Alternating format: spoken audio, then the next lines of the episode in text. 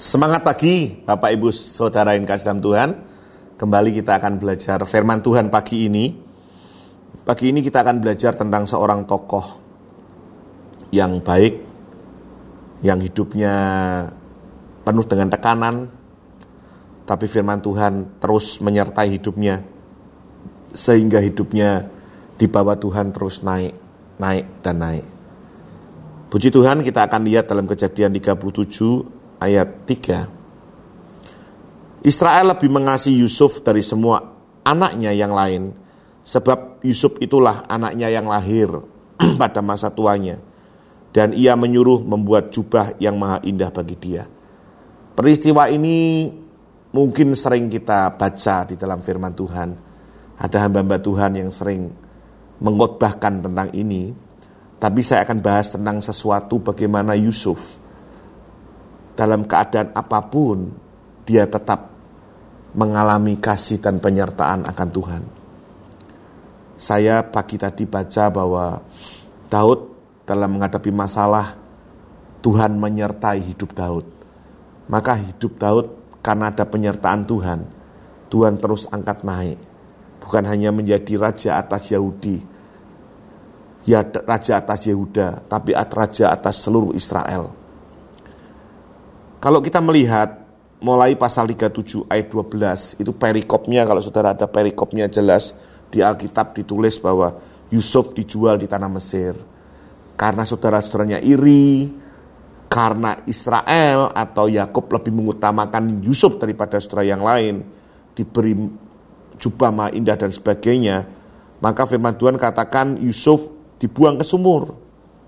Dan ayat 20 berkata sekarang marilah kita bunuh dia. Ini kakaknya yang berkata.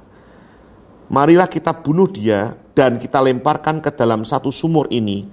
Lalu kita katakan seekor binatang, lalu kita katakan seekor binatang buas telah menerekamnya dan kita akan lihat nanti bagaimana jadinya mimpinya itu.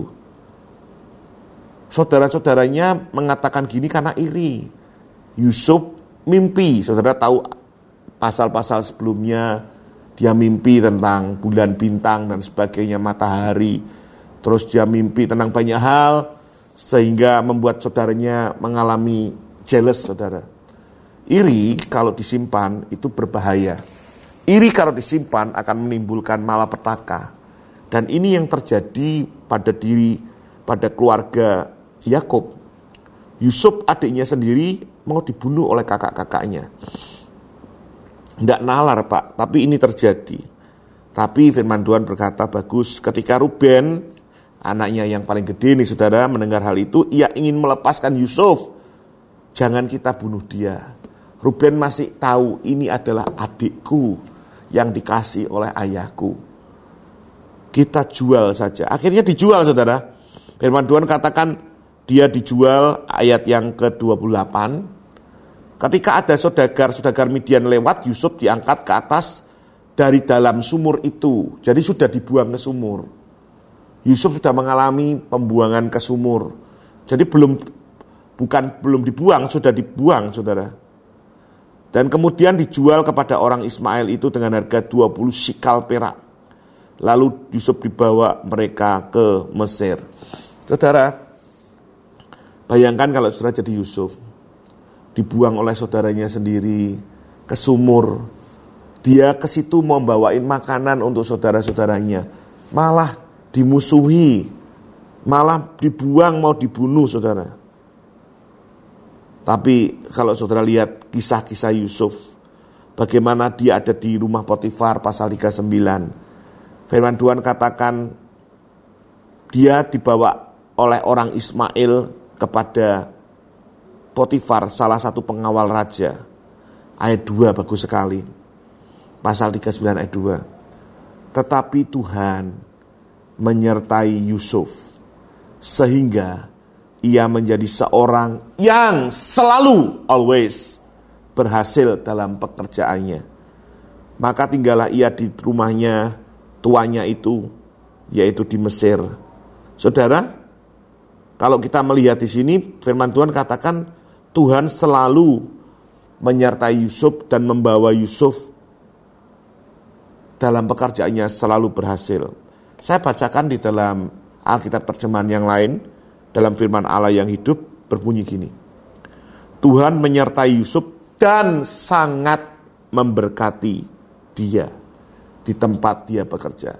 Jadi Yusuf bukan hanya disertai, kalau Tuhan itu sudah berkata Immanuel, penyertaan Tuhan itu, itu satu paket dengan berkat. Perhatikan, penyertaan Tuhan itu satu paket dengan berkat Tuhan. Karena kalau dia menyertai dia ada, berkat itu ada, sukacita itu ada, kegembiraan itu ada, dan seluruh halal ilahi ada dalam diri dia karena dia menyertai. Perhatikan saudara. Jadi jangan pandang enteng tentang penyertaan Tuhan. Kita sering berkata penyertaan Tuhan, penyertaan Tuhan, tapi kita lihat ini, bukan hanya penyertaan, tetapi berkat dari Tuhan dan segala sesuatunya dibuat berhasil. Tuhan memberkati dan menyertai Yusuf. Indah sekali. Saya kalau mengucapkan selamat ulang tahun sekarang sering kali berkata Tuhan bukan hanya memberkati, bukan hanya menyertai, tapi dua-duanya memberkati dan menyertai. Karena itu yang Tuhan katakan. Tapi saudara saya tanya saudara, ketika Tuhan menyertai Yusuf, memberkati Yusuf, dan membuat selalu berhasil. Apakah Yusuf selesai masalahnya? Kemudian jadi orang yang hebat? Tidak. Dia masih mengalami proses, perhatikan saudara. Dia masih mengalami proses biarpun Tuhan memberkati. Hari ini saudara, mungkin engkau disertai Tuhan, sudah disertai Tuhan. Tapi proses belum selesai. Perhatikan, itu akan selesai. Itu akan finishing well. Ketika kita berkata, Tuhan, Aku terus sertai ya Tuhan. Itu berarti Tuhan, Engkau selalu ada dalam hidupku Tuhan. Maka seluruh aspek kehidupan ilahi dalam diri Allah itu ada dalam diri kita.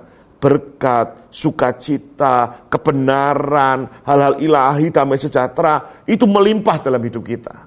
Sehingga saudara, bukan hanya itu. Firman Tuhan katakan di kejadian ayat 40 ketika dia di penjara jadi fitnah oleh istri Potifar ya. Kemudian firman Tuhan katakan dia disertai. Coba saya akan bacakan buat saudara bagaimana Tuhan tetap menyertai Yusuf di dalam kehidupannya di penjara. Saudara, Yusuf itu tetap mengalami proses, tapi Yusuf tetap disertai Tuhan Luar biasa saudara.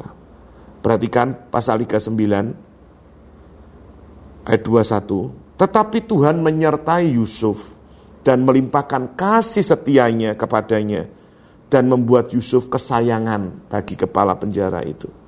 Sekali lagi Yusuf menjadi disertai Tuhan dan menjadi kesayangan di sana, saudara. Dia dipercaya di penjara itu, saudara. Saya bacakan dalam terjemahan firman Allah yang hidup.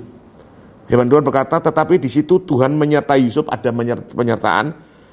Bukan hanya itu, tapi kasih serta kemurahannya, mercy saudara.